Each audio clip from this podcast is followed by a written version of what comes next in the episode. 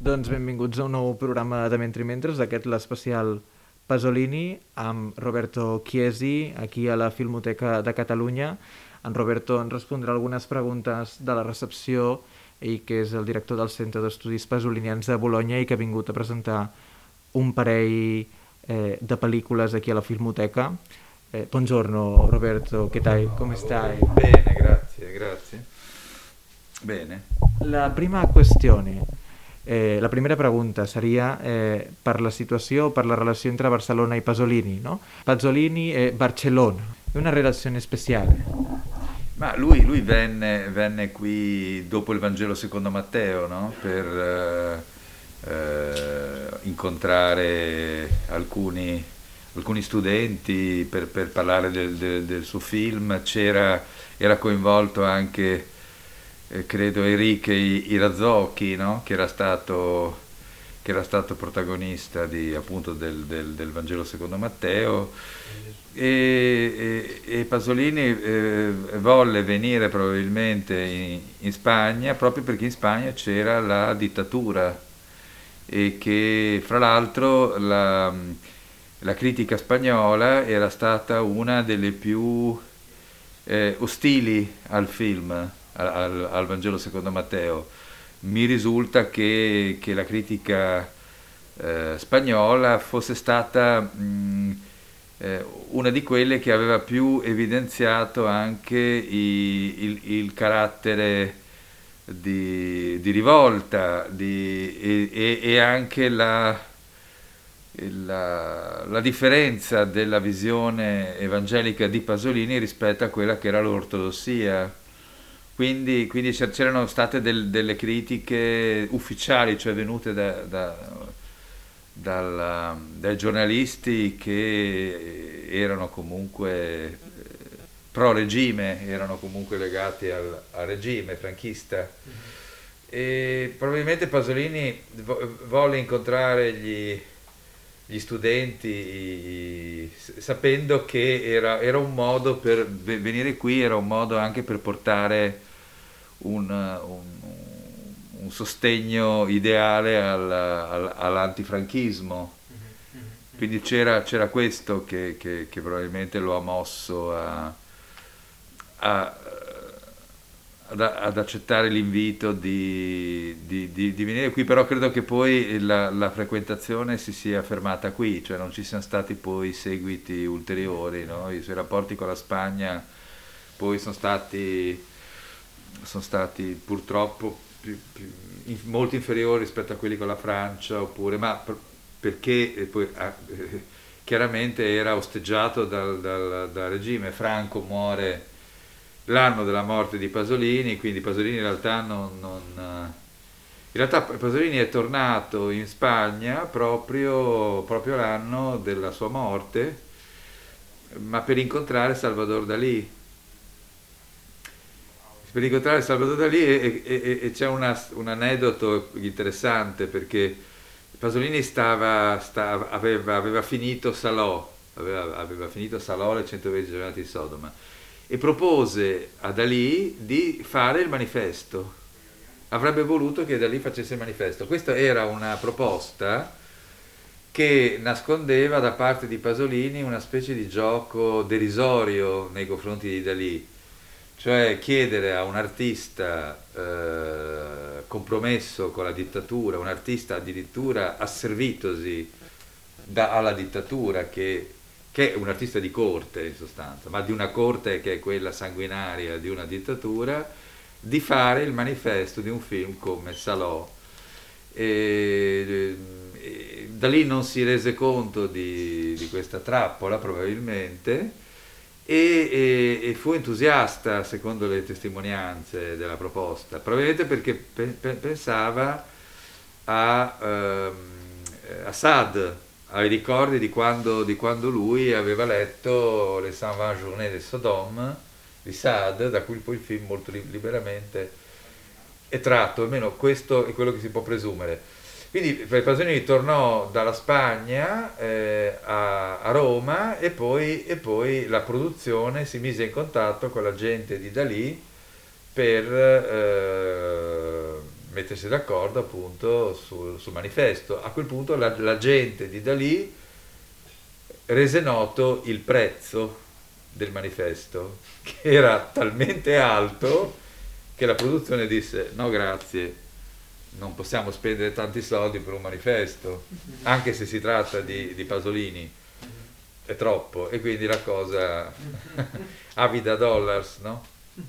Uh, primer ens explicava el Roberto Chiesi no? la relació amb la ciutat de Barcelona, però més concretament no? amb la lluita antifranquista. Um, hem acabat parlant de Dalí també, però abans eh, ha fet referència a, a l'Evangeli segons Sant Mateu i com el protagonista català que feia de Jesús el va connectar amb la ciutat, però que no va ser una visita que es continués amb el temps, sinó que es va trencar, a diferència d'altres països com França, i que pel que fa eh, al manifest que va voler signar eh, per, a favor de, de la pel·lícula de Saló, a aquesta que sí que li va demanar que per, per la relació que hi havia en aquest cas de Dalí amb la dictadura franquista havia de ser una persona molt interessant i Dalí sembla que accept, va acceptar aquesta proposta i no només, sinó que li semblava interessant amb la relació que feia amb Sade i que finalment no es va acceptar però per una qüestió del preu que els agents de Dalí a Itàlia van, van mostrar. Tenim el Guillem també. Guillem. Bona tarda també un dels fets més, més importants que ha portat ha sigut el fet que Pasolini venia aquí per constatar la diferència que hi havia amb la crítica. No? Espanya havia sigut de les crítiques més hostils respecte a l'Evangeli segons Sant Mateu i venia també aquí a afrontar-se aquesta crítica i és aquest afrontament aquesta, amb aquesta crítica que li permet també buscar una controvèrsia amb els estudiants a veure si pot aconseguir aquest suport de despertar aquest antifranquisme a, a Catalunya i a Espanya. La seconda qüestione è per la recepzione a Italia. Eh, qual è la, la recepzione? È, è difficile eh, per comprendere una persona come Pasolini a Italia? Pasolini oggi è uno degli, degli artisti del passato sicuramente più, più letti eh, dagli italiani, eh, uno degli artisti italiani più, più letti dai, dagli stessi italiani, anche di oggi, anche dai, dai giovani e però eh, senz'altro sono solo certi testi a essere più immediatamente compresi, eh, per, per, esempio sono i eh, scritti corsari, lettere luterane, cioè gli, gli ultimi interventi di carattere, di carattere politico, eh, poi il teatro, ecco, il teatro è sicuramente molto, molto cresciuto di importanza rispetto agli anni in cui Pasolini era vivo, in cui era considerato invece minore, a quell'epoca invece col tempo ci sono continue messe in scena di spettacoli basati sui suoi testi, poi addirittura ci sono spettacoli proprio basati anche sui film, su, sulla sua figura, su vari aspetti della, della sua opera. Comunque in generale... Eh, c'è una ricezione che, che, è di vari livelli, ci sono tantissimi eh, studiosi e tantissimi appassionati che conoscono anche i testi più difficili come le poesie, eh, che conoscono i film, è, è senz'altro uno dei, degli scrittori e dei registi del passato più, più vivo proprio per questi motivi, perché, perché, in generale c'è un'attenzione nei suoi confronti che, che, è molto forte rispetto ad... Poi qui ci sono delle, delle ragioni, se noi analizziamo questo, questo, successo postumo, ci sono delle ragioni, queste ragioni sono da una parte proprio il carattere eh, rinascimentale dell'opera di Pasolini, il fatto che, che, che abbia una, una eh, che sia stato poeta, narratore di romanzi, rom- romanziere, eh, autore di cinema, autore di teatro, saggista, eh, critico della modernità, ecco, tutti questi aspetti, la ricchezza di, di, di quest'opera, anche i, i, rimandi ad altre discipline, la linguistica, l'antropologia, la pittura, eh, oltre alla letteratura e, e, al cinema, cioè, questo lo rende, lo rende una, un artista ricchissimo e che può essere eh, affrontato da tanti punti di vista. Poi c'è, c'è un fatto anche, anche certo, eh, più ambiguo, cioè il, ed è la, il grande, il grande la, eh, la grande attenzione che c'è sempre sulla storia della morte, su, sulla, c'è una sorta di vera e propria mitologia della morte di Pasolini che, eh, che, ha degli aspetti anche negativi perché eh, è sicuramente sbagliato leggere l'opera dal punto di vista della morte, ma d'altra parte il modo in cui è morto, il fatto che sia morto in questo modo tragico e anche che non, non ci sia ancora oggi una verità ultima su questa morte, e fa sì che il, la sua figura sia diventata una sorta di personaggio romanzesco, da, da tragedia, una figura, cioè come se la sua morte fosse uscita da un suo film o da un suo libro, da, da un suo romanzo, del resto c'è, cioè nei, nelle sue opere ci sono delle scene che sono simili, che ricordano per la violenza e le condizioni in cui eh, avviene proprio la, la sua morte. E allora tutto questo ha creato una mitologia che, che, che può, può, avere anche un aspetto positivo, cioè l'aspetto positivo è quello che attira l'attenzione dei giovani magari. Mm-hmm. Per cui se uno rimane magari inizialmente, un ragazzo rimane incuriosito dalla morte di Pasolini, dalla storia della morte, dal mito della morte, e poi però legge Pasolini, allora, allora è un bene, tutto sommato Comunque sì, insomma, in, in due parole sicuramente è, è una figura estremamente attuale, pur essendo molto inattuale, poi in realtà appartenendo veramente a un mondo molto lontano, però, però paradossalmente è uno, è uno del, degli artisti del passato più... E ci sono appunto tante ragioni, su queste sono solo alcune, ma ce ne sono poi altre, insomma referència no, a la vigència de Pasolini, eh, jo puc destacar, eh, sobretot ha comentat la, la situació d'home del Renaixement i com se'l pot agafar des de les múltiples disciplines i com també això ha creat que cadascú se'l pugui llegir o pugui agafar-lo des del cinema, des del teatre, també fer referència que el teatre després un cop mort Pasolini és quan ha tingut més importància. Uh, finalment ha destacat també eh, la mitologia que se'n crea a partir de la mort de Pasolini i com això crea en si mateix una forma de rellegir tota la seva obra i evidentment es fa de molt dir, no, Guillem? Sí, per altra banda, també apuntava un parell de coses. Um, una d'elles és el fet que la importància teatral de Pasolini d'avui en dia a vegades sembla que envolti més la seva vida, la seva personalitat, que no pas la seva obra teatral, que no afronti la, potser la crítica de Pasolini i l'obra teatral de Pasolini, sinó que enfronti potser més el, el personatge de Pasolini però en aquest sentit sí que té molta vigència arreu d'Itàlia i eh, en segon lloc també ha fet, eh, bueno, esmentat com la mort de Pasolini, el fet que sigui fosca, té aquesta doble condició de mitologia en l'actualitat, però també eh, en el seu moment va ser va atacar l'obra de Pasolini, va, deixar, va ser un abans un després a l'hora d'afrontar l'obra de Pasolini arreu d'Itàlia. Faig pregunta, la faré primer en català. Eh, el setembre passat vam anar amb el Guillem a casar-se. Eh, M'agradaria saber per, pel paper institucional. Eh? Lo scorso settembre eh, io e Guillem eh, siamo andati a casarsi. Eh, non trovi che quella casa, eh, quel museo ehm, sia troppo istituzionale per una, per una persona come, come Pasolini? Beh, forse come, come, come dire eh, eh, rientra nel, nel quando si, si, si, fa un museo automaticamente si istituzionalizza.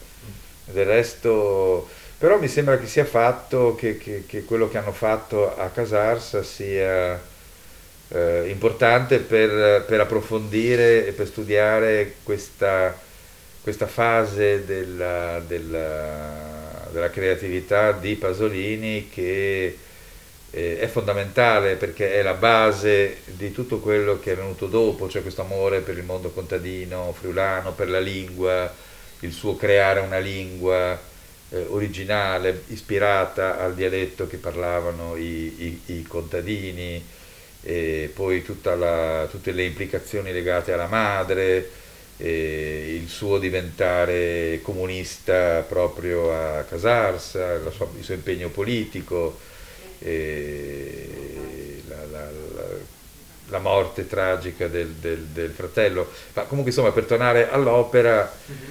all'opera è fondamentale, per capire Pasolini è fondamentale eh, eh, partire da lì, quindi, quindi il lavoro di, eh, di, di valorizzazione del, del, periodo friulano con la raccolta di tutti i documenti che, lo, che, che viene fatto è, è comunque necessario, utile. Eh, ha parlat no, de fase institucionalitzadora que té un, tot un museu, però ha insistit que és importantíssim per la lectura també de les obres i sobretot per, per la creativitat que va suposar en Pasolini, o que és la fase sobretot de creativitat de Pasolini, millor dit, um, sobretot el, el món de la llengua, el món del friuli, dels dialectes, però sobretot la, la connexió amb la mare i la, la, la mort també, que hi ha el Panteó, no? justament, del seu germà, i que és sobretot un gran important per la valorització, valorització dels documents i és molt útil no? la seva estada a casar-se. Per altra banda, la idealització de Pasolini de tot aquest món, que li és un món matern, li suposa el rebuig del món patern, del, del pare, del feixisme, i li posa conciliar amb un món que a Itàlia està, està desapareixent, que és el món rural, no? tot el món dels pagesos. Llavors, com connectar amb Friuli de la primera etapa de, de Pasolini i casar-se ens permetrà més endavant entendre quina importància té el món rural i la pagesia a l'hora d'entendre el Pasolini dels últims anys que determina tota la seva obra, des d'alguns fragments de les obres teatrals, algunes de les seves obres de cinema i sobretot el seu, el seu pensament més polític. Tens alguna pregunta? No? Qual è la tua relazione con Pasolini? Com, come si arriva a Pasolini? Come arriva a Pasolini? Come sono arrivato io? Sì. Ma io ci sono arrivato, ci sono arrivato che, ero, che ero un ragazzino, che ero un ragazzino, come tanti ho visto, ho visto un film eh, in, eh, in, televisione che era Uccellacci e Uccellini, quello è stato il, il film. Ecco, se, la, cosa, la, cosa, particolare è che quando ho visto Uccellacci e Uccellini, che avevo 11 anni in televisione, mi sono ricordato che io ne avevo già visto una scena eh, mol- vari anni prima, che ero piccolissimo, ed era la scena dei, dei eh, contadini così poveri che devono eh, ingannare i figli dicendo loro che è ancora notte per non dare da mangiare. Questa cosa mi aveva da, da, da bambino, io l'avevo visto a 5 anni, mi aveva impressionato, però non, non, ero troppo piccolo per, ricordare il titolo, il film. E, e, quindi quando poi ho rivisto il film ho avuto l'illuminazione che questa scena così impressionante, così terribile, cioè è una scena che dà veramente l'idea della miseria, della, della povertà, di, eh, perché è poi una scena paradossale, no? perché il fatto che dei genitori ingannino i figli per non dare loro da mangiare è, un, è chiaramente una, una, una, una cosa stralunata, lunare non realistica. Ecco, da allora, beh, in sostanza lì è stato, quando ho visto questo film, che poi ho visto in realtà perché il vero motivo era che volevo vedere un film con Totò, perché avevo un grande amore per, per Totò da, da, bambino, da lì poi è, nato un vero e proprio amore che quindi mi ha accompagnato per più di 40 anni, in sostanza ho cominciato poi a leggere tut, tutta l'opera, a studiarlo, sì, si può definire una lunga fedeltà, proprio cominciata, cominciata quindi, era, questo episodio si colloca quando, quando io ero, ero, ragazzino, quindi Pasolini era morto da pochi anni, mm-hmm. pochi anni proprio.